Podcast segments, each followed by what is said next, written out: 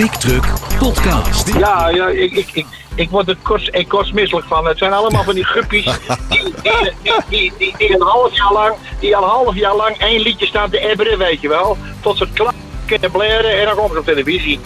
Juist. Ja. BigTruck.nl Iep van der Meer, Wim Brons. Welkom bij de Big Truck Podcast. Bij Big Truck Magazine nummer 6. Deze keer met Tim de Jong, Iep van der Meer van Big Truck, Ed Posma van TVM Verzekeringen en met Henk Wijngaard. Vroom, vroom. Later. Goeiedag. Maar eerst Iep en Tim, hoi. Hey. Hey Wim, hallo. Ik zie dat jullie behoorlijk in de standbak hebben gespeeld de laatste tijd. Ja, we hebben een, eh, een keepertest gedaan. 10 keer 8. En eh, ja, samen met de redacties van Bouwmachines, Bouwmachine Web en Kumela hebben we drie dagen lang in, in de zandbak gespeeld. Met eh, zes stoere vijfwassers in Wansum. En Yes. eh, ja, dat is natuurlijk fantastisch. Eh 10 keer 8 is een, eh, ja, een typisch Nederlands verschijnsel. En de trucks zijn eh, op één na ook allemaal in ons land aangepast. Dat zijn allemaal... Op, op één na, want we hadden ook een 10 Ja. keer 10 Ja, precies. Ja. En, eh, Het, het is tien wielen acht aangedreven, hè? dat is het idee. ja, Ja. vijf, vijf aan beide kanten. hè?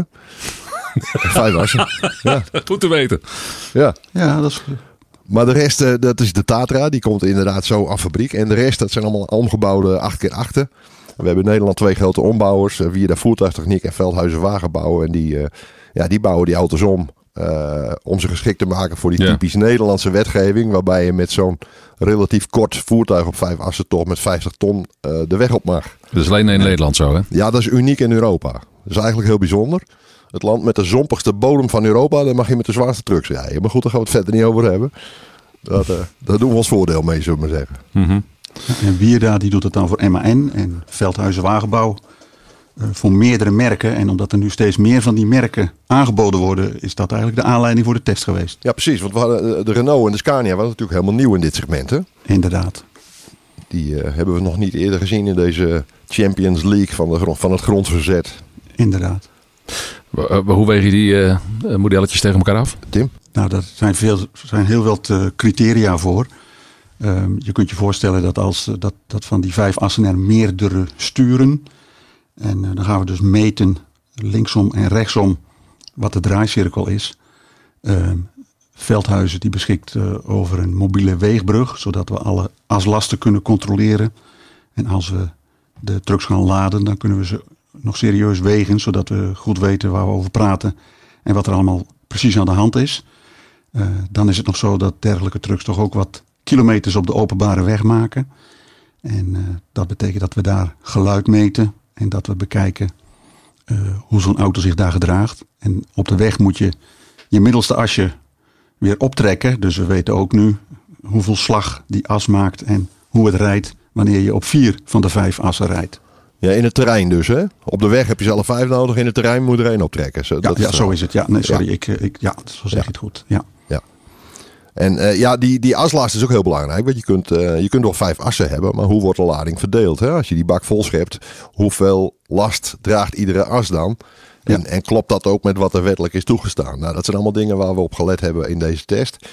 En natuurlijk eh, eh, terreinrijden met die auto's. En ja, dat is natuurlijk het leukste. Ik, ik Nou zag ja. wat mooie beelden. Flitsende, Ja, en dat- flitsende promo van gemaakt ook. Ja, precies. Je kunt dan zien wat er allemaal eh, voor mogelijkheden zijn. En eh, je, vaak is het zo, eh, dat is eigenlijk de tijd waar we in zitten, dat er veel te veel kan.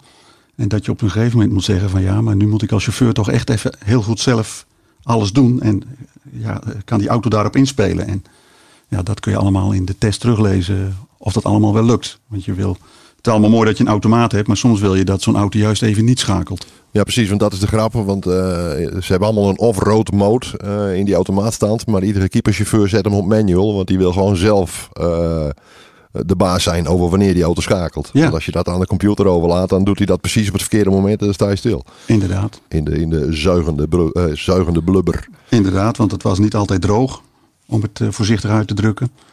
Dus we hebben echt wel de typisch Hollandse omstandigheden te pakken deze ronde. Ja, en het is, eh, ja, voor jou was het een beetje eh, voor het eerst dat je echt het zware terrein in ging hè, met zo'n auto, Tim. Nou ja, dat hebben we in eh, band ook al wel gedaan, maar Ja, was alweer een ja. tijdje geleden. Dus dat is even Ja. waar het dan om draait. Maar ja, het, het was, ik moet zeggen, een verademing. Het is me 100% meegevallen. Wanneer je dus inderdaad niet te veel aan het autootje zelf overlaat, maar echt zelf als chauffeur het roeren in handen houdt en eh, goed oplet waar je mee bezig bent. Ja, ik zeg altijd maar, ik ben, ik ben wel chauffeur, maar geen keeperchauffeur. En eh, Ja, nou. natuurlijk lukt dat wel. Maar we hadden ook eh, Roger van Nispen, collega Ro- Roger van Nispen van Bouwmachineweb. En dat is dus wel een echte keeperchauffeur. En ja, daar hebben we toch een beetje van afgekeken. En eh, zijn oordeel eh, telde dan ook zwaar mee in de beoordeling van de, van de voertuigen. Ja, let hij duidelijk op andere dingen. Nou, hij gaat nog wat dieper in op die aandrijflijnen en eh, hoe je die eh, bedient onder alle omstandigheden. En dat kan hij doen omdat hij bij een bedrijf werkt waar hij eh, daar mede verantwoordelijk is, zeg maar. En eh, dat er eh, op zijn oordeel wordt geleund bij de aanschaf van nieuw materieel. Juist. Dus hij weet echt waar hij over praat en is er dagelijks mee bezig. En wij zijn toch, zoals kipperchauffeurs ons zien, wij zijn toch een beetje meer trailermannetjes. ja, Die containerdrukkers, overbouw- Ja. en de cruise control erop en eh, heerlijk. In mijn Gradaus. Ja hoor. Ja, eh, eh. Komen er nou een duidelijke winnaar uit? Of is het, is het ene, ene, het, eh, het ene model sterker in het ene en het andere in het andere? Nou, ik denk dat je heel erg veel verschillen ziet. Maar eh, dat zit veel te dicht bij elkaar om eh, een, een duidelijke winnaar aan te wijzen. Ik had dat zelf. Ik ben wel met dat vooroordeel aan die test begonnen. Maar eh, ik moest toch eventjes flink eh, bijstellen in mijn eh, opvattingen, zeg maar. Mede ook in de gesprekken met eh, Roger van Nispen. Alles, alles te lezen dus in de nieuwste Big Truck Magazine. Staat nu online, hè? Inderdaad, Moeten we er iets aan toevoegen? aan de kippentest niet. Nee, ook in deze Big Truck een verhaal over eh, Havi. Hè, de, helemaal duurzaam distribueren. En ja, er is enorm veel te doen over duurzaamheid momenteel. Eh, waterstofauto's, gasauto's, elektrische voertuigen. Eh, ja, Tim die maakt daar echt een studie van. Eh, Tim, eh, rijden we over tien jaar nog diesel? Hoe, zie- hoe zie jij dat voor je? Zeker wel. Ik denk eh, als ik alle berichten en voorspellingen bekijk, dat eh, twee derde van het eh, Europese wagenpark eh, nog zeker op eh, diesel zal rijden. Maar er zijn eh, in 2025, dus over vijf jaar, al eh, op dit moment 22 en straks 40 steden waar je niet meer met een dieselvrachtwagen de binnenstad in mag. En dat is waar het eh, Havi-verhaal de hoek om komt kijken. Er zijn nu 22 steden die zeggen van ja, dat gaan wij doen. Dat, dat moeten ze ook dit jaar doen als ze dat willen. Zodat bedrijven kunnen schakelen op een wagenpark dat, geen, dat emissievrij is. En eh, Havi is, voorraad natuurlijk alle McDonald's restaurants in Nederland. En daarnaast eh, nog een groot aantal tankstations.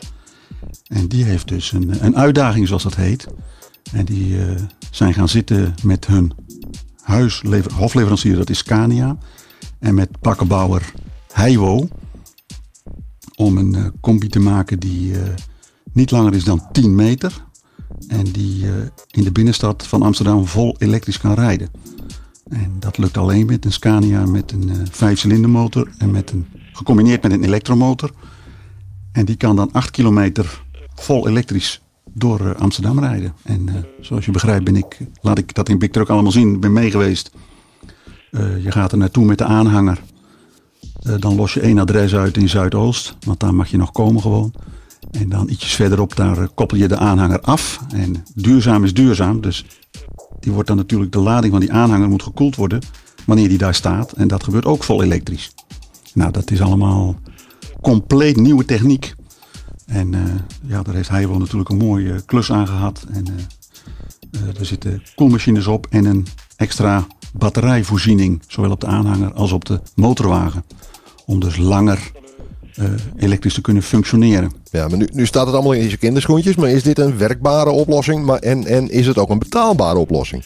Voorlopig denk ik dat wel. Eh, het zal in elk geval een stuk duurder zijn. Dat bedoel ik. Eh, ik eh, denk dat eh, de klant daar ongetwijfeld aan meebetaalt, want het is zijn belang. Die, die, die kan alleen omzet draaien als er 's ochtends eh, een heleboel eh, product naar binnen wordt gereden in zo'n restaurant. En eh, ja, dit gaat over McDonald's, hè? ja, het tij- tijdperk van de ontheffingen wat dat betreft, eh, dat, dat, dat duurt ook nog even. Het is niet zo dat het helemaal sloes is.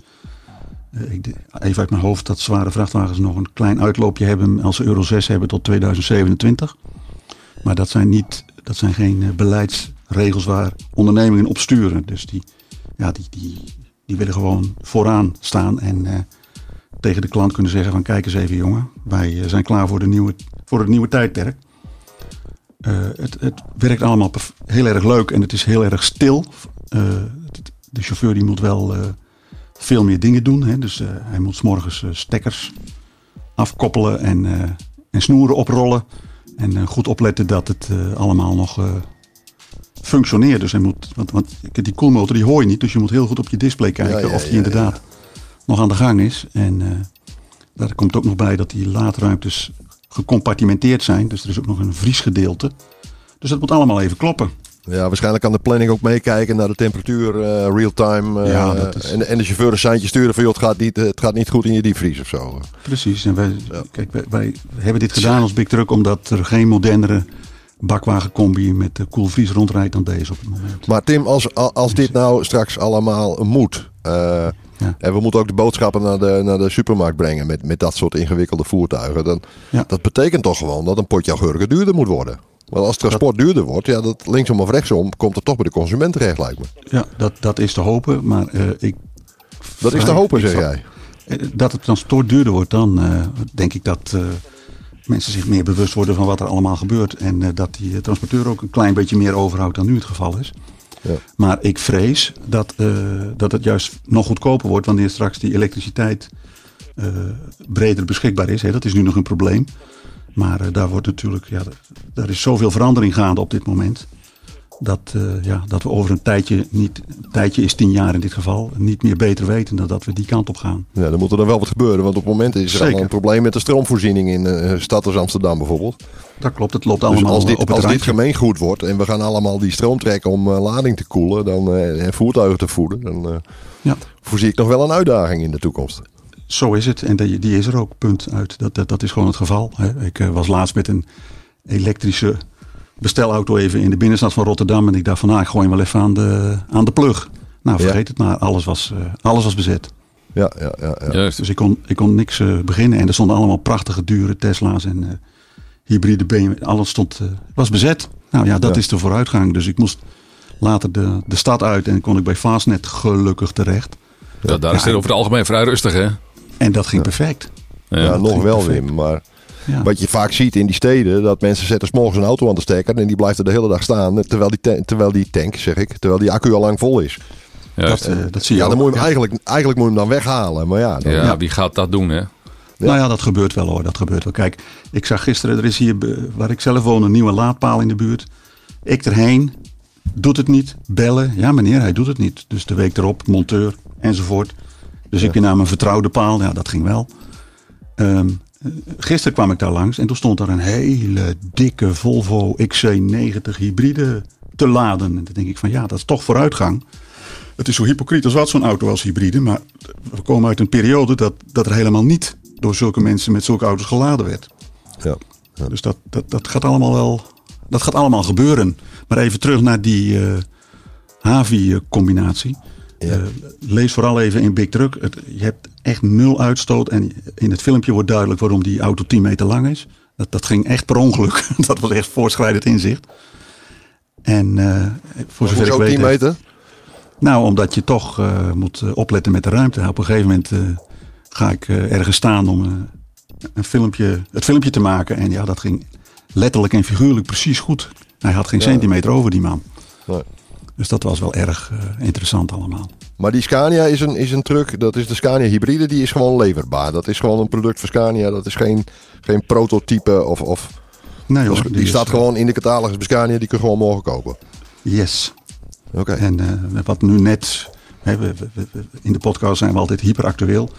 Vorige week is de eerste vol elektrische Scania bij de importeur gearriveerd. En die gaat nu opgebouwd worden. Ik weet niet voor wie, maar dat is dan weer de volgende stap van het merk. Dat in 2017 nog zei van nou voorlopig nog even niet.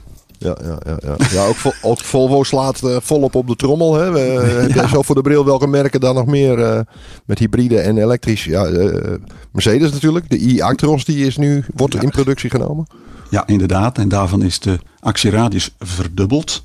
Dus die kan straks ook eh, 400 kilometer eh, afleggen. Ja, dan ontstaat er toch een heel leuk perspectief. Maar zoals jij zelf al eens terecht opmerkte, je moet eigenlijk naar 600 kilometer per dag. Nou, daar heb je zeker een punt. Ja. Eh, ja, wat gaat er gebeuren? Ik denk en-en. Dus dat je en laat eh, mogelijkheden krijgt bij eh, logistieke dienstverleners, veel meer. Bij klanten. En dat de batterijtechniek druk ontwikkeld wordt. Want als er één zekerheid is, dan is dat daar nog heel veel uh, te winnen valt. Staat. Ja. Ja, ja want er, er, komt van alles op ons af. Hè? Want we hebben het over hybride, we hebben het over vol elektrisch, we hebben het ook over waterstof waar naar gekeken wordt. Inderdaad. En zo is DAF bezig met een waterstofverbrandingsmotor. Ja, en maar ja. ook geloof ik. Inderdaad. Dus dat zijn, dat zijn toch een heleboel nieuwe dingen die eraan zitten te komen.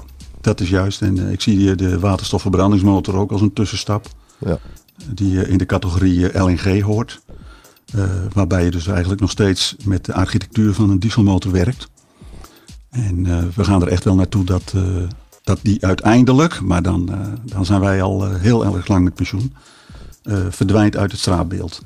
Ja, ik weet niet welke auto meer kilometers uit een liter haalt hoor. Een volle elektrische of een waterstofverbrandingsmotor. Nou ja, dat is ook moeilijk te zeggen, want dat hangt voor, voor een groot deel af van de prestaties van de batterij.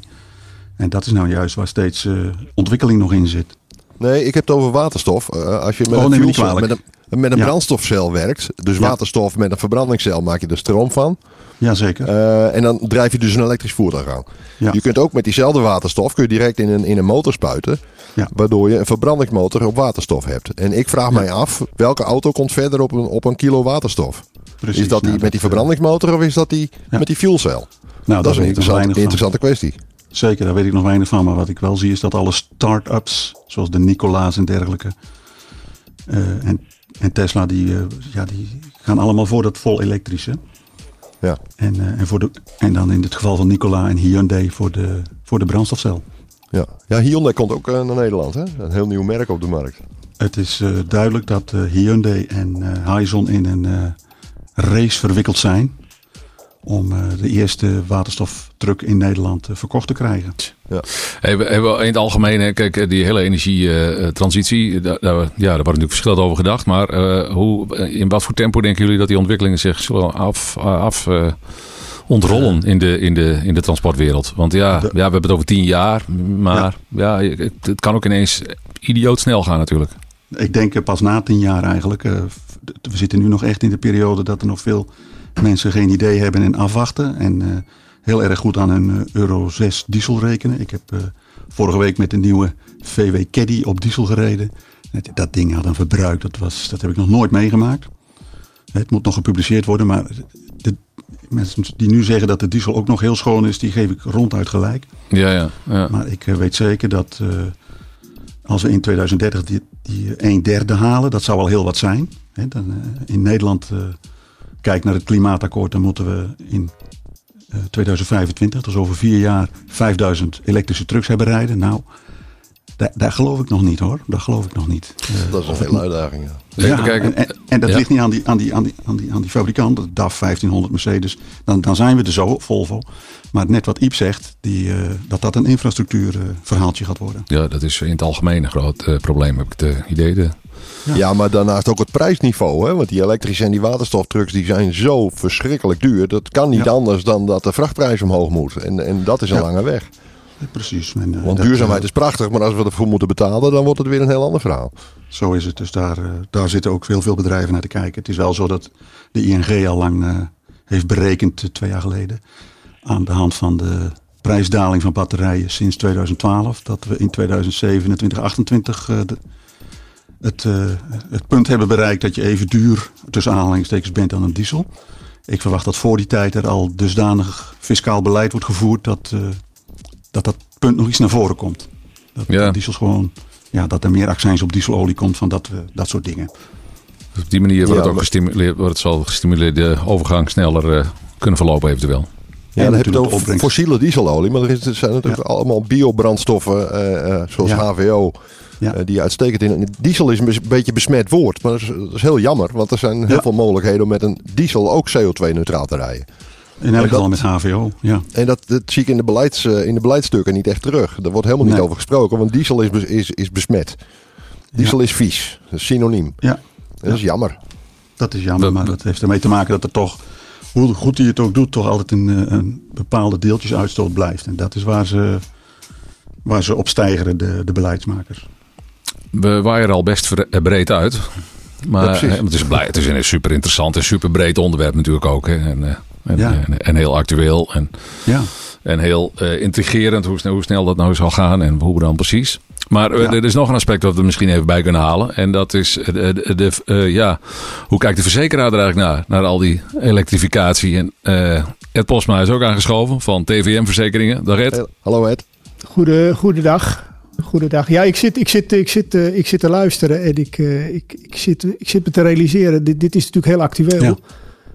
En ehm, ik, ik, ik, wat me nou even te binnen schiet is, ik zat een tijdje geleden zat ik bij een transporteur en die zegt van wij moeten eigenlijk ook de Vladers gaan opvoeden in deze. Want wij hebben dedicated vervoer voor, eh, voor bepaalde bedrijven. Die willen dat die lading Ja. bij ons in de auto blijft. En dat die niet overgeladen wordt naar andere voertuigen. Of naar andere, andere transportondernemers die het de last mile doen. Ja, hij zegt, dat gaat straks niet meer. Want ik kan niet, als ik vanuit eh, Amsterdam naar eh, Zuid-Limburg moet. En ik moet in Maastricht wat lossen. En ik moet dat elektrisch doen. Dat, dat, dat gaat niet met een Ja. elektrische auto. Dus dan moet ik inderdaad aan die oplossingen denken. Waar, waar nou mee komt. Wat jij net zei, Tim. Of ik moet op een gegeven moment toch eh, kiezen voor een lokale Zeker. vervoerder die dat laatste stukje voor me doet. Dus daar zijn best wel heel grote dingen die spelen. Ja, en wat jij zei ook, wij, wij zijn natuurlijk vanuit de TVM hebben we ook gezegd, wij proberen de voorkant ook, ook Ja. eh, mee te denken wat, wat, dit allemaal, eh, wat dit allemaal voor impact voor ons heeft. En überhaupt voor verzekeren in het algemeen. Dus we hebben bij Rottergaat ook een aantal collega's die zich heel druk bezighouden met die last mile en wat de impact en wat er allemaal Ja. is. Elektrisch, eh, brandstofcellen, al dat soort zaken. Want het heeft natuurlijk ook wel wat impact. De, de, de kostprijs Ja. van de auto gaat omhoog. Eh, eh, op het moment dat er een grote schade is. Ik, ik sprak een tijdje geleden sprak ik iemand die, die zegt van ja, berging. Berging met een elektrisch voertuig. Eh, heeft bepaalde risico's. Een stalling van de auto's als die schade heeft, eh, heeft bepaalde risico's. Eh, een personenwagentje die eh bij wijze van spreken schade heeft, die kan ik ergens in de rij zetten. Ja. Maar een elektrische personenwagen, Ja. die zet ik toch wel wat ruimer weg. Want als, als de boel Ja. in de brand gaat, Tja. we weten allemaal met die batterijen, als, als die brandt, dan brandt die een paar dagen. En, eh, Een personenwagen kun je in een bak Ja. met water zetten en een paar dagen laten staan. Maar dat wordt voor een truck wordt natuurlijk een hele andere discussie. Dus dat zijn wel allerlei leermomenten waar we nu ook volop in zitten. Waar we ook eh, volop in Ja, meedenken ja, en mee willen werken. Om te kijken wat, wat er op ons afkomt en, eh, en hoe we daarmee om moeten gaan. Precies. We moeten niet wachten tot het er straks Ja. is. Maar we moeten wel proberen er nu al met z'n allen over na te denken. Dat dat, eh, dat, dat goed Ja. Wa- waterstof is ook zo'n dingetje natuurlijk. Hè? Dat is, ze noemen het niks voor niks plofgas. Hè? Ja, ja, ja. Ja. ja.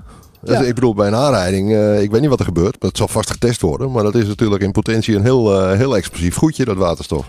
Ja, kijk alleen maar eens naar. Ik, ik, ik heb een tijdje geleden eens een keer bij de brandweermast staan te praten. Als je ziet wat voor protocollen die hebben voor bepaalde types voertuigen. Wat ze, wat ze nu moeten doen op het moment dat ze bij een, eh, een zware aanrijding komen.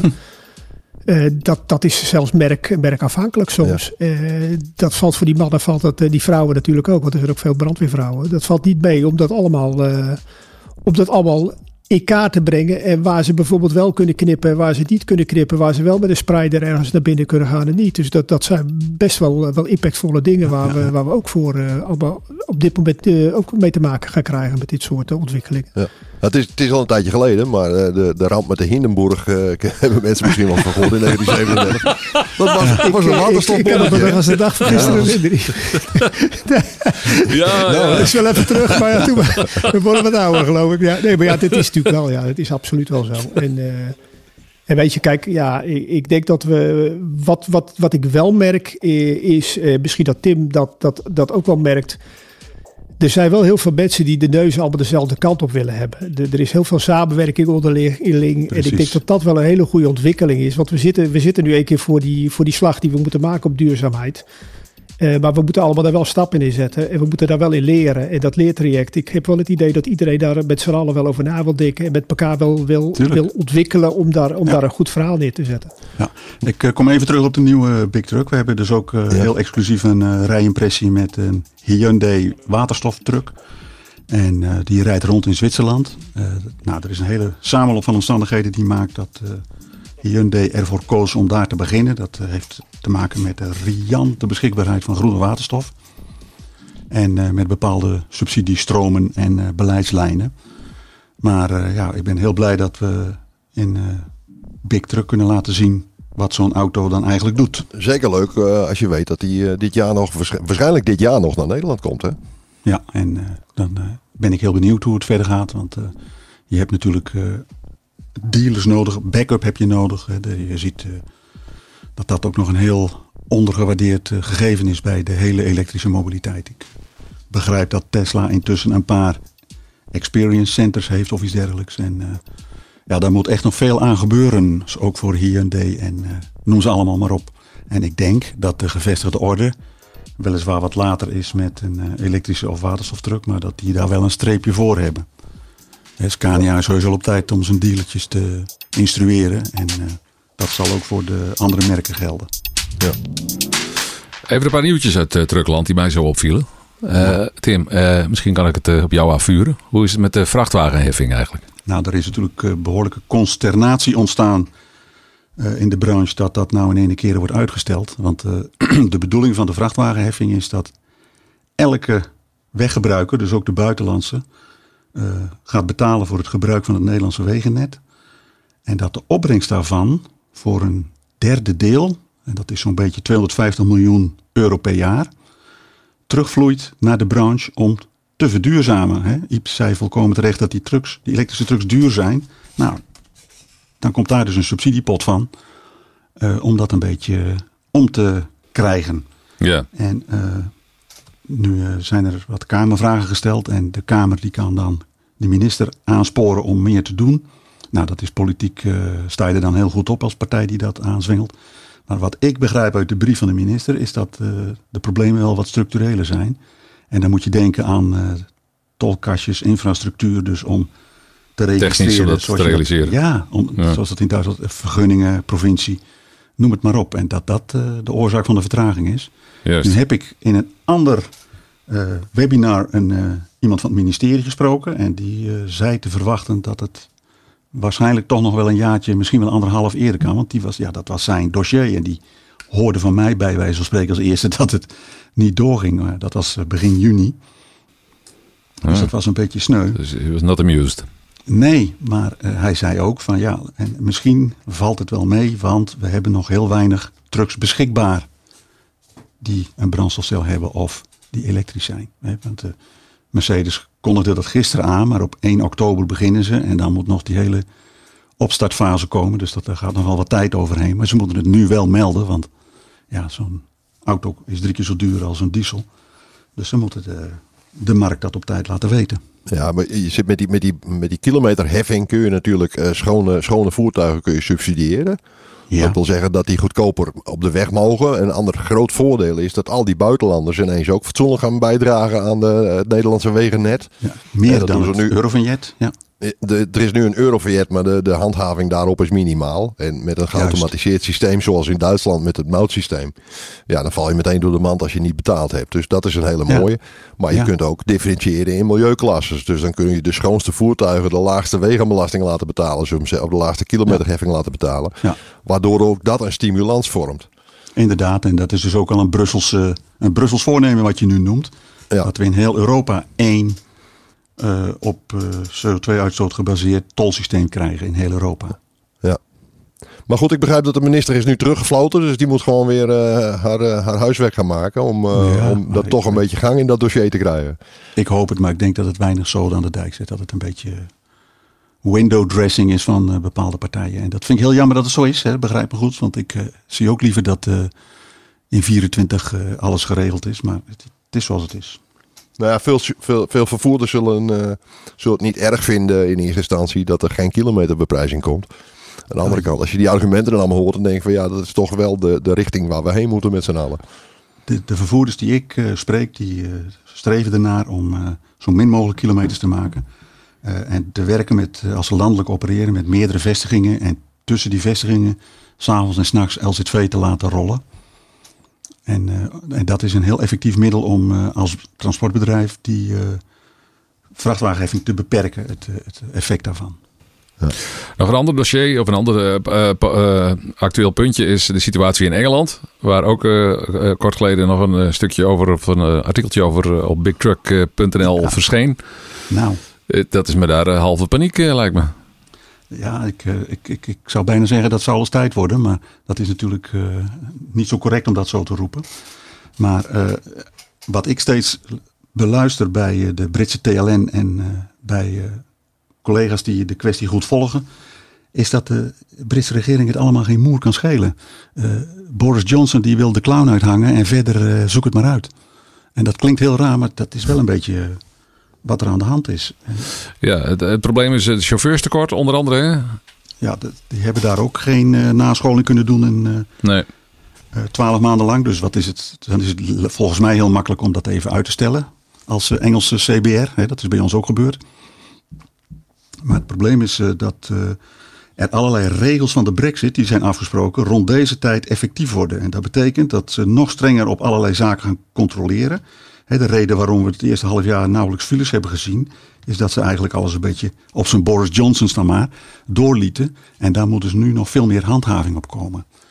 En eh, op de G7, het overleg van de zeven belangrijkste ja, wereldleiders, daar kon je al zien hoe eh, Joe Biden als Ier eh, Johnson terechtwijst. Van, Ja. joh, dat gaat helemaal niet goed daar. Hè? En aan het eind van het liedje, ja, wat, dan klopt het allemaal niet meer. En in het allerergste geval vliegen ze elkaar weer in de haren, net als toen.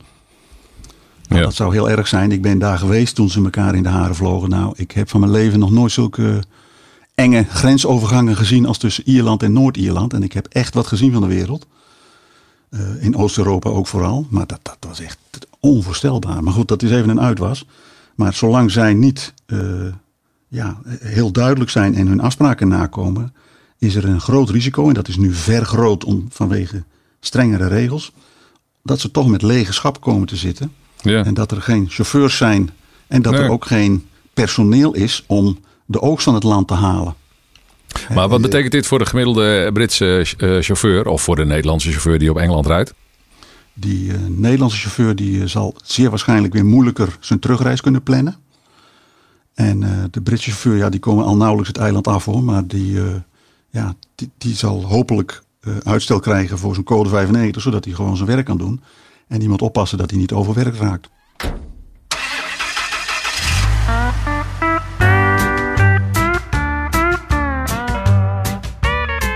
Henk, Henk Wijngaard is 75 geworden, even een ander onderwerp.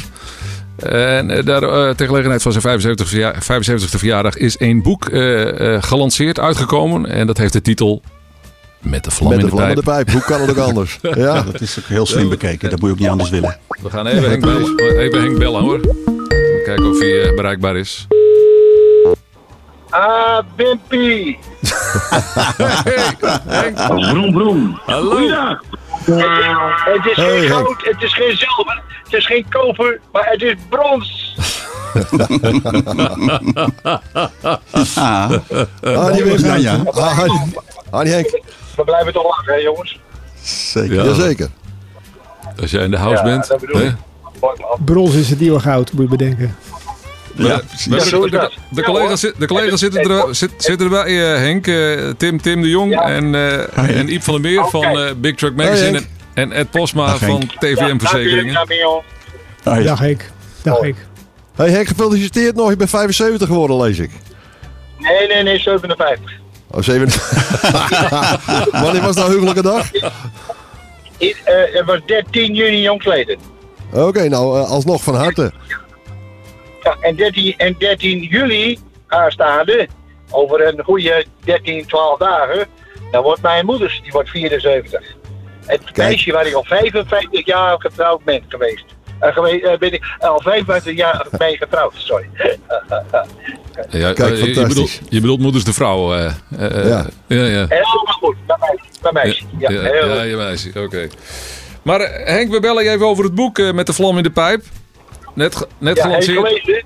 Nou, eh, wel, wel een paar belangrijke hoofdstukken. wa- Waaronder de, de start van je carrière, zou ik maar zeggen. De muziekcarrière dan. En, en, en de jonge jaren. Ja, ja, ja. Kijk, kijk, kijk. Nou, daar, hebben we natuurlijk... een mooi eindje. Ja? Ja, daar zijn wel een mooi eindje op gelegen. Nou ja, het, het, eh, je- uit je jonge jaren, we hebben het er al eens eerder over gehad in een eerdere podcast ook, de Big Truck eh, podcast. Veel, veel herinneringen, ook in dit boek. Ja, tuurlijk. En veel, ja, veel anekdotes. eh, leuke dingen, minder leuke dingetjes. Familiedingetjes. En natuurlijk de carrière waar het eigenlijk allemaal om draait. Hè. Ik Ja. bedoel, laten we eerlijk zijn. De vlam met de pijp was voor Henkie Wijngaard een soort lot uit de loterij. Ja, toch? Ja, absoluut. Zeker. Ja, legendarisch nummer natuurlijk. Maar wat, wat mij dan Ja, verbaast, eh, Henk, als ik dat nou allemaal zo lees, dan heb je een, eh, ja, niet zo'n hele leuke jeugd gehad. En dat, ja, dat zou mij inspireren tot, eh, tot bluesnummers, denk ik. Maar je schrijft alleen maar vrolijke liedjes. Hoe kan dat nou? Nee, ik heb wel bluesnummers hoor. Hey. Blijf met je poten van de Waddenzee. Ja, blijf met je vingers van de Waddenzee. Ja, Ja, natuurlijk ik- is. Ik ken mijn klassiekers. En, dan- Ja. en dan heb ik natuurlijk mijn Truckers Blues, hè. 100 Ja. kilo, dat ben ik. Altijd Ja. een shaggy op mijn lip. dat is waar. Eenzaam is de nacht waarin ik rij. Helaas ben ik de grens nog niet voorbij. Truckers Blues, ik heb veel van die dingen gemaakt. Ja, ik zie de wereld door de vooruit van mijn wagen. Maar ik heb geen tijd om alles beter te gaan zien. Het is niet erg als je mij zou vragen. Ik hou van mijn werk en van mijn wagen bovendien. Ja, ik heb geweldige dingen gemaakt, joh. Voor de chauffeurs, al helemaal. Ja. Ja, Ja. nee, ik, ik ben technisch wat minder in de muziek, zullen we maar zeggen. En ik denk altijd, Henk Wijngaard, dat zijn vrolijke nummers. Maar nu je dat zo zegt, inderdaad, daar zit, daar zit toch ook wel een, eh, een bluesje in, zullen we maar zeggen. Ja, maar, ja, maar als, ik, ik, ik bedoel dan draaien liedjes. Mijn, mijn, mijn moeder kwam uit Frankrijk en mijn vader was een Canadees soldaat. De bevrijding was in liefde kort en hevig. En ik was het resultaat. ik ben een Hollands kind. Eh, dat ik, over, ik heb genoeg eh, emoties en verdriet ook in mijn, in, mijn, eh, in mijn liedjes zitten. En dan Ja. het verhaal van Canada. Niet te vergeten, daar aan de voet van de Canadian Rockies. Je weet wel, door Gods laatste hand neergelegd, ergens ten zuiden van nergens. En een diner langs de kant van de weg. Zat ik met vrienden nog wat naar te kaarten voor onze reisstuk naar Amsterdam. Toen, ik, toen een vent opstond en mijn richting op kwam. En met tranen in zijn ogen zei hij: Henk, als de grond was tussen hier en Nederland, begon ik nu nog te lopen. En Dat, dat zijn toch enorme mooie, mooie, mooie verhalen. Maar Dat, Henk, eh, Henk denk jij, toch? alleen, jij denkt alleen in poëzie lijkt het wel. Ja, In rijm. Ja, ja, maar, ja, maar het, het, het, het ligt voor mij. Het ligt voor mijn neus, Wim. Oh, Kijk, eh. ik zit nu op de weg. Kijk, laatst reed ik door een dorpje, één kerk in boerderij, maar wel met zes rontondes. Hoe komen ze erbij? En we proberen een drempel overleven. En ik stuiter als een ruiter, chaos op de weg. Ja toch? Het ligt voor mijn neus. Henk, nog even een paar dingen. Even, even, een vraag over iets wat me opviel in het boek ook. eh, tenminste in de hoofdstukken die ik zo even doorgenomen heb. Is eh, dat, dat je was al jong goed in topografie. Ja, ja, ik was eh, op de kleuterschool kon ik alle Nederlandse provincies en de hoofdsteden opdrammen. Ongelooflijk. Ja, Oké. ja, En- toen ik in de eerste klas kwam, zei de juffrouw, Henk wordt vrachtwagenchauffeur. Hij wordt piloot. Haha, ik ben piloot geweest. Ik ben vrachtwagenchauffeur geweest. Ja. Ik heb vijf jaar gevaren. Ja, Maar, die, is dat nog steeds, heb, je nog, heb, heb je nog steeds heel veel belangstelling voor topografie? En, en eh, eh, staat alles je bij? Ja, ook in deze tijden van Google en Maps? Ja, joh, het is zo mooi geworden. Hè? Ik geniet alle dagen van Google Earth. Er is niks mooier als lekker op Google Earth. Nou, dan ga ik naar, eh, nou, noem maar, dan ga ik eventjes naar China. En dan zoek ik op de Google Earth even de Chinese muur op. En dan ga ik via Google Earth ga ik die hele muur af. Joh, dat is schitterend. Je bent altijd ik op reis niet eens in de trein te stappen. Ja, ik hoef Ja. niet eens in een vliegtuig te stappen of in een trein. Het, het, het ligt voor mijn neus. Oh, reizen is dat. Ja, Ja. ja. ja zeker. Eh, Henk, Henk, nog, een ander, nog een ander puntje uit, uit het boek is dat de, de, de talentenjacht waar je ontdekt werd, daar stond het geluid per ongeluk uit voor het publiek. Dus dat publiek dat eh, reageerde eigenlijk niet. Maar in de, in de wagen waar opnames werden gemaakt, eh, was de scout van, eh, van eh, eh, Johnny Hoes eh, Records, die, eh, die, die luisterde wel mee. En ik, ik, eh, in het boek stond nogal wat over de, de winnares eh, van die, eh, van die, de, die talentenjacht. Dat, is- dat is een van de meisjes waar we nooit meer wat van hebben gehoord. Dat staat er wel redelijk expliciet in. Toen dacht ik van ja, hoe kijk jij naar alle talentenjacht op dit moment op, op radio en televisie? The Voice, noem ze maar op. Ja, ja ik, ik, ik, ik word er kort, ik kotsmisselijk van. Het zijn allemaal van die guppies die, die, die, die, die, die een half jaar lang, die al een half jaar lang één liedje staan te ebberen, weet je wel. Tot ze het klaar kunnen blaren en dan komt het op televisie. Ja, ja, ja. maar moet ik ervan zeggen, ik, het is voor mij geen, geen amusement. Het is gewoon allemaal gemeen. Het is allemaal een beetje vies in elkaar gestoken. Eh, ik hou daar niet zo van. Ik ben Nee. een man van, ja, realiteit. Het, het moet echt zijn. En als, voor mij is dit niet echt, weet je wel. Als je snapt wat ik bedoel.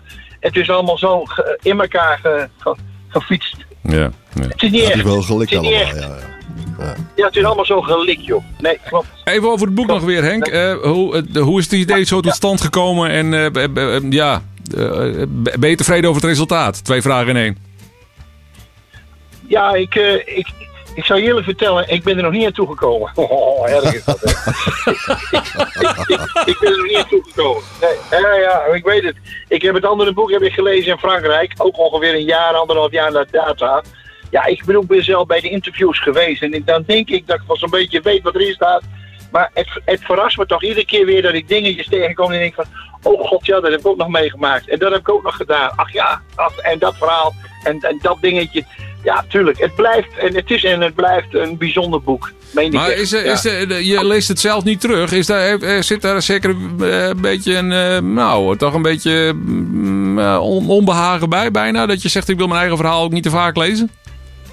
Nee, nee, nee, dat is het niet. Nee, want het mooiste compliment wat ik kreeg van het boek, eh, kort geleden, van iemand die zei: Henk, het is een boek, ik heb het gelezen, schitterend. Eh, het is geen boek van zelf, zelfverering.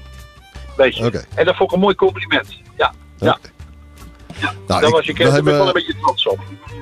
we hebben op uh, bigtruck.nl hebben een, eh, een klein verhaaltje. En daar staat ook eh, een klein stukje in over het boek en eh, waar je het kunt bestellen. En eh, ik heb de, de, de gedeeltes die wij toegestuurd hebben gekregen, die heb ik met veel plezier gelezen. Dus ik, eh, ja, als, dat, als Ja. het hele boek zo in elkaar zit, dan is het, een, eh, is het een regelrecht aanrader. Dat kan ik, eh, dat kan ik wel Ja, melden. ja, ja, ja. 25 eurotjes inclusief verzendkosten, zag ik. Ja, ja, ja, Oké. ja, klopt. Hebben we nog een... Henk, nog een boodschap? Nou, nee, ik heb geen boodschap gezegd. Alleen de mensen, als ze wat meer van mij willen weten, dan is het niet zo moeilijk. Dan is het gewoon een kwestie van het boek, het boek kopen en, en lezen. En dan zijn ze weer helemaal blij bij. En dan weten ze zo'n beetje allemaal eh, de hebbetjes en de dingetjes. En ik mag het nu ook vertellen, ik ben 75. Dus als ik nog vijf jaar lekker meetummel met de, met de showbiz. En mijn, mijn grote vriend Sinatra staat ook in het boek dat verhaal. Eh, die, Ja. die hield het vol tot Las Vegas toen hij 82 was. Dan stond hij nog Kijk. met een peuk en, en een glas whisky op het podium. Nou, nou ik, ja, daar, daar wil ik me graag mee vereenzelvigen. Wij, wij, wensen, het, wij wensen het je allemaal van harte toe, Henk. Dank, dank dat Ja, jij lijn kwam. Ja jongens, een hele fijne dag nog. Bye bye. Zwaai zwaai. Dankjewel Henk. Hey. Hoi. Nog één onderwerpje op de agenda, jongens. En dat is eh, slaapproblemen voor truckers. Ja, vermoeidheid. Ja, achter het stuur. Ja, dat is, dat is iets waar eh, ja, TVM Verzekeringen zal daar wel wat van vinden, neem ik aan. eh, Ed, ik bedoel, als preventiemedewerker. eh, Ja, ja. wat, doe ik, wat doe ik om wakker achter het stuur te zitten? Ja, ja, goede dagtrust. Hè. Dat, dat, ik denk dat dat het belangrijkste is. Ja, dat heeft natuurlijk, recentelijk heeft het natuurlijk ook in de pers is daar wel over geschreven. Eh, wij, doen als, als adviseurs, we hebben totaal hebben, hebben acht man eh, die, eh, en vrouwen uiteraard ook, die, die dit werk doen. Eh, wij hebben regelmatig hebben we chauffeursbijeenkomsten. Dus natuurlijk in de coronatijd is dat allemaal wat, wat, wat is dat allemaal stopgezet, want dat, dat kon natuurlijk niet meer. Maar we maken het wel regelmatig bij dat er chauffeurs zijn die, die dat ook zeggen. Dat ze daar wel, wel, wel last van hebben. Dat ze daar wel moeite bij hebben. Eh, ja, stad Erco is denk ik zeker eh, als, je, als je zeker overdag slaapt, maar ook eh, met die hete nachten s'nachts in de auto ligt. Ik denk dat dat wel een uitkomst is. Dus ik denk dat dat een hele goede ontwikkeling is. Maar het is, het is een dingetje. Kijk, mensen hebben een bepaald ritme en dan, word je, dan word je eigenlijk al heel erg technisch over hoe dat allemaal in elkaar zit. En we, ik absoluut ben daar geen specialist in en wij zelf ook niet als, als adviseur zijnde. Maar er zijn wel heel veel onderzoeken gedaan. Ja, dat heeft allemaal te maken met bioritmes van lichamen en hoe mensen in elkaar zitten. De ene kant er beter tegen als de andere. Maar één ding denk ik dat het belangrijkste is in dit verhaal, is dat je het niet moet onderschatten. Op het moment dat je echt vermoeid achter het stuur zit, dan moet je eigenlijk actie ondernemen. In die trend moet je iets gaan doen, maar niet blijven doorrijden. Want het, Ja, ja, ja. het is nog maar een klein stukje of het is nog maar een uurtje. Dat komt wel goed. Want Ja, het probleem is natuurlijk de, de, de rijtijdenwet en de tachograaf die bewaken wanneer de auto rust heeft gehad, maar niet of de chauffeur het ook gehad heeft. Hè? Dat is een beetje het punt. En als je dan weet dat je 's morgens om eh, drie uur moet vertrekken, ja, dan moet je niet om s'avonds om elf uur nog een biertje pakken. Dus ja, dat is ook een kwestie van discipline, denk ik. Hè? Ik denk dat dat het belangrijkste Ja, is. kijk, dat, dat, we hebben, ik heb op een gegeven moment tijd geleden, heb ik, zat, er- dat, dat was vorig jaar, was er een chauffeur die zegt, Ed, joh, hij zegt, ik, ik, ik, ik zit in de nacht. Ik, ik wissel dan de twee dag, wissel ik van de, van de dag naar de dag. En dan zit ik in de nacht en dan is het zomervakantie en dan is het 35 graden. Dan lig ik overdag te slapen en dan zijn de kinderen thuis van vakantie. Ja, mijn vrouw die kan die kinderen die stilhouden, 7, 8, 9 jaar. Die spelen in de tuin, een zwembadje staat buiten. Dus die man, die, die, man die, die heeft niet de, de nachtrust in de dag die hij zou moeten hebben. En, en moet er wel s'nachts uit, moet wel de hele dag door, eh, moet wel zijn uren maken. Ja, dat is, dat is, wel, dat, ik, ik, dat is wel een uitdaging. Dat is echt wel een uitdaging. Tuurlijk. En ik denk, ik vind, dat, ik vind eigenlijk ook dat, dat, dat uh, de ondernemer, de, de planners, daar ook wel, daar ook wel, wel oor voor moeten hebben op het moment dat iemand daar, uh, daar dat meldt en daar problemen over heeft. Want het schijnt dat niet iedereen daar gelijk mee omgaat. Hè. Er zijn mensen die kunnen heel makkelijk switchen van dag naar nacht. Maar er zijn ook mensen die, uh, die, die gewoon last hebben met die, met die wisselende structuur. Uh, ik had toevallig met een collega erover, die zei van de week, uh, die zegt, joh Ed, hij zegt, als, als, als de zomertijd of de wintertijd komt, dan ben ik een week of een dag of drie, vier van slag. Dan zou ik normaal gesproken zou ik om 11 uur gaan slapen en dan lig ik om 12 uur lig ik nog wakker. Ja. Of ik ben een uur vroeger wakker s ochtends. En ik denk, ja, dat heb ik de laatste jaren ook. Misschien dat het ook wel de leeftijd is, dat weet ik eerlijk gezegd ook niet. Maar ik, ik, heb, ik merk ook wel dat ik wel een paar dagen, als, als de zomer en de wintertijd is, dat ik even te vroeg wakker ben als, als normaal. Dan, ja. dan kijk ik op de wekker en denk ik, ja, normaal is 7 uur. Want wij zijn natuurlijk ambtenaren, een beetje ambtenaren tijden hebben wij. Dus dat is 7 uur. En, en, en dat denk ik, ja, verrek jongens, dat, dat is een hele andere tijd dan wat ik gewend ben. Maar dat, dat is toch even het opschakelen, daar, dat, dat, dat uur wat erbij komt of eraf gaat. Ja. dat denk ik zeker voor een chauffeur die, uh, die de dag in gaat en de, de dag heeft gehad, dat dat wel even lastig is. Ja, ik, ik draai dan wel uh, zo nu en dan nog een, een dag hier en dan moet ik dus ook wel eens vroeg mijn bed uit. Maar, en dan vooral smiddags, dan komt hij. Ja, ja. Dan, wil, dan zit je aan alle kanten binnen je rijtijden. Dus echt niks aan de hand. Ja. Maar dan, dan zit je toch te knikkenbollen. En dan is mijn ervaring van ja, zet hem aan de kant en uh, pak een bak koffie bij het tankstation. En uh, schep even frisse lucht. Of een peuk. Maar dat helpt echt. Gewoon even een onderbreking van dat, van dat saaie ritme. En dat is toch, uh, maar dat hoeft dan nog niet van je tachograaf. En je baas zal ook zeggen van joh, wat ben je aan het doen? Want je zit nog niet aan je uren. Maar ja, dat is dan toch wat je zelf even, uh, dan moet je wel naar jezelf luisteren natuurlijk. Ja, dat zijn van die rare tijden. Hè. Ze, ze, dat, ja, dat weet ik. Wij hebben ook wel eens dat wij bij bijeenkomsten hebben. En dat hebben we een hele dag, weet je, code 95. hebben we vroeger ook wel eens aan meegewerkt. En dan heb je de lunch gehad om 12 uur tot 1 uur. En dan ga je verder om één uur met, met, met, met je presentatie. En dan kijk je in, in de ruimte. Daar zitten er vier, vijf man zitten te knikkerbollen. Ja, ja, Want dat is, dat is echt zo'n... Zo en het schijnt ook wel dat dat ook wel met, met, met uh, gemiddelde lichaamstemperaturen te maken heeft. En je bioritme van een, van een menselijk lichaam. Dat, dat heeft daar allemaal invloed op. Ja. Ik, heb, ik heb jaren geleden een keer... Dat was een onderzoek in Australië. Want uh, daar schijnt met heel veel, uh, als, het, als het daar extreem warm is, 40 graden plus, daar schijnen heel veel mensen s'nachts te gaan rijden hebben ze daar wel eens onderzoek naar gedaan eh, hoe, hoe dat menselijk lichaam daarmee omgaat. En eh, daar was op een gegeven ogenblik was een, een, man die zat in de simulator. Dat was allemaal heel netjes eh, technisch onderbouwd. Er werd een video werd er opgenomen van die man. En je zag in die man zijn ogen en zijn hoofd dat die man die zat er helemaal doorheen. En die zei in een interview later dat hij eventjes een paar seconden zijn ogen had dichtgedaan. Dat was alles bij elkaar. Ik geloof een seconde of 40, 45 dat hij met zijn ogen dicht had gezeten. Maar voor zijn beeld was dat maar een paar seconden. Dus ja. je met je hele het hele bewustzijn is helemaal, ja, die hele klok die loopt gewoon helemaal in de war. Dus daar moet je echt wel respect voor hebben. Ja, en als je, 45, als je ja. 45 seconden je ogen dicht hebt, hoeveel rij je dan, hoeveel afstand leg je dan af? Nou, dan ben je een kilometer ja. verder. Hè? Ja. Zoiets, hè? Als je 80 rijdt, ben je een kilometer verder. Ja, oh, oh, oh. ja maar voor, hij, had echt, hij was ervan overtuigd dat het maar een paar, één of twee seconden was. Ik heb eventjes mijn ogen dicht gedaan. Wat, wat, wat Iep zegt ook. Ja, ik, je hoort ook het, het begrip powernap. En jongens, let op, ik ben geen, ik ben geen slaapdeskundige. Ik ben er helemaal niet voor, uh, voor opgeleid. Maar je hoort wel eens uh, mensen die zeggen, als je een power nap hebt, dat is van 15, ik geloof van, van 10 minuten tot, tot maximaal 25 minuten ja. slapen. Daar, daar knap je echt van op. Maar ja. als je dus op een gegeven moment er helemaal doorheen zit s'nachts en je, moet, je pakt een power nap van, van 20, 25 minuten, dan moet je ook niet 25 minuten op je telefoon zitten, zitten kijken en nee, zitten appen. Nee, maar dat is en, geen dan moet je ook- power nap. dat is geen pa- power dat dat dat is een een power app moment. Ja, dat is een power app, ja. maar, maar dan moet je ook... En dat- ik, ik, doe, ik heb het zelf ook wel gedaan. Ik doe het zelf ook wel eens als ik echt, echt eh, laat terugkom en ik ben echt moe. Als ik dan de, de- mijn mijn telefoon zet ik op, op, op 20 minuutjes en dan word ik wakker en dan, kak, dan ben ik echt weer fris. Dan kan ik er weer door. Dan heb ik even een hele lichte slaap gehad en tot rust gekomen. Dat werkt. En ik, Dat is ik jij zegt, Diep. Even, even die kop koffie pakken, even eruit de Ja. benen strekken. Maar eventjes Ja, niet dat is een leuk, bestromen. leuk, Ja? leuk verhaal wat ik hoorde van een politieagent. Die houdt, die houdt s'nachts, zien ze een, een vrachtauto voor het groen licht staan. Wat is dat nou voor geks, joh? Dus nou, eens even stoppen en dus op die deur kloppen. Ligt die vent, die, die had rood licht.